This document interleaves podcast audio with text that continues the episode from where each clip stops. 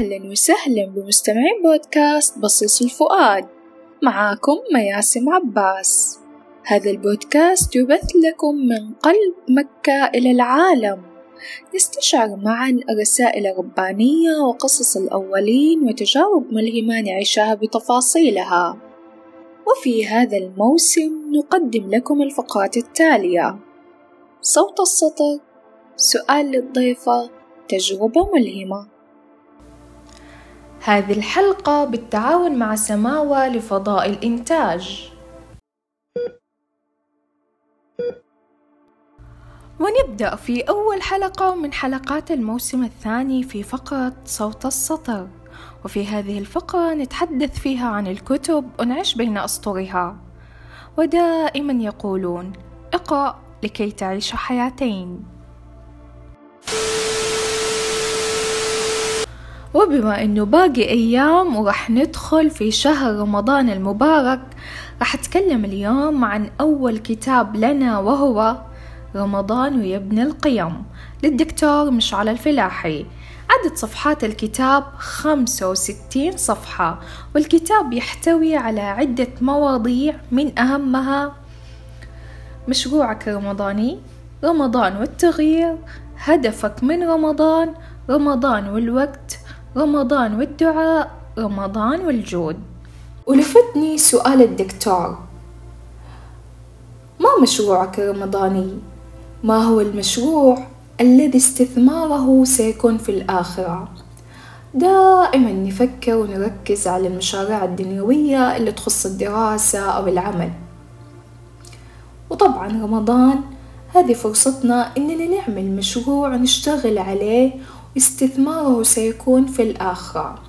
والدكتور أعطانا أمثلة.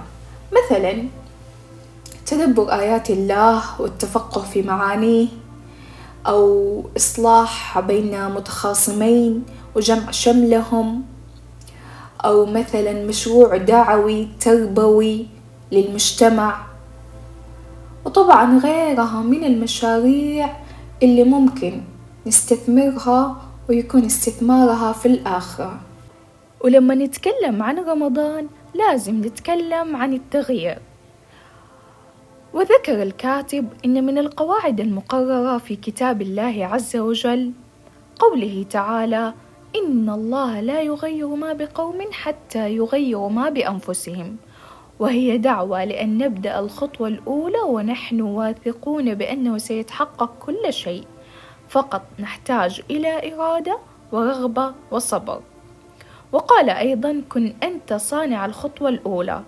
كن أنت الذي يرضي ربه ويصل رحمه ويستعلي على شهواته ويكتب ميلاده ويصنع قصة مجده الكبير.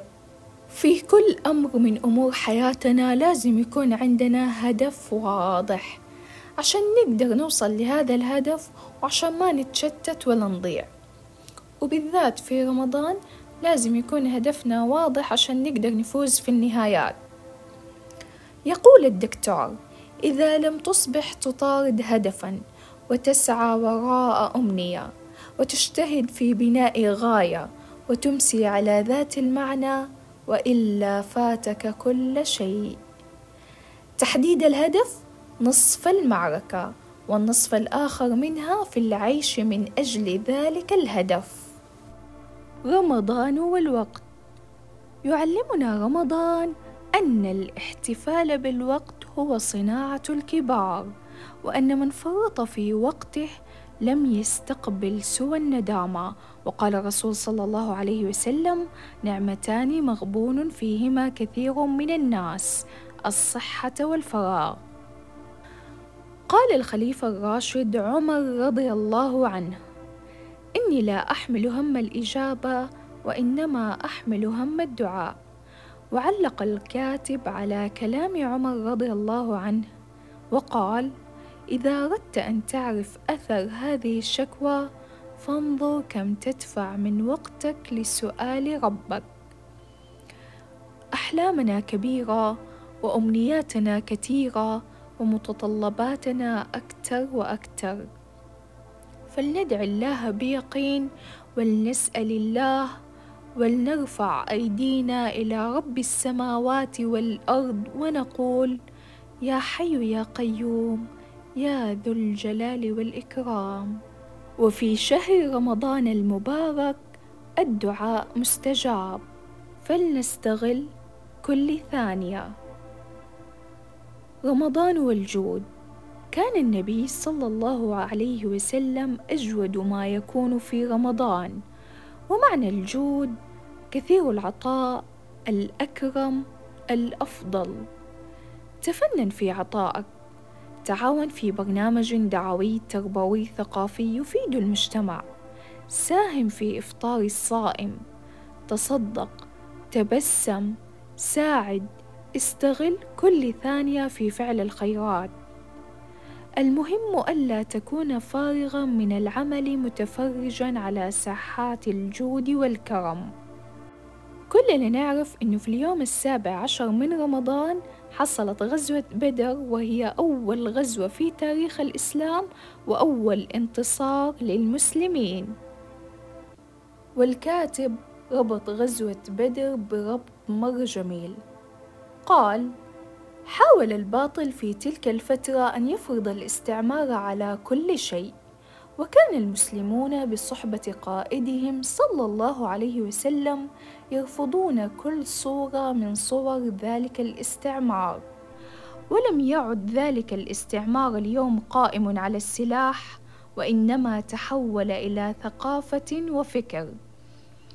فليس بالضرورة اليوم أن يستولي العدو على أرضك أو أن يعتدي على جزء من حقك الاستعمار الحقيقي في صورته الجديدة أن تستلب هويتك وتضيع قيمك وتذبل استقامتك وتنتهي قصة تدينك وتتحول مفاهيم الوحي إلى تهم تعير بها في عرض الطريق.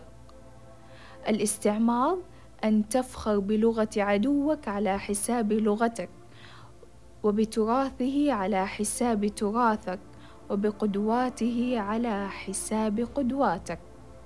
كان ربط الكاتب لغزوة بدر وانتصار المسلمين بالاستعمار وختم كلامه بقول الله تعالى كنتم خير أمة أخرجت للناس تأمرون بالمعروف وتنهون عن المنكر وتؤمنون بالله. ولو آمن أهل الكتاب لكان خيرا لكان خيرا لهم. منهم المؤمنون وأكثرهم الفاسقون. ومن لوازم النصر العزة بالمنهج والعمل للدين والصبر على تكاليف الطريق. شكرا لاستماعكم هذه الحلقة. ألقاكم على خير في فقرة جديدة في الأسبوع المقبل. أستودعكم الله.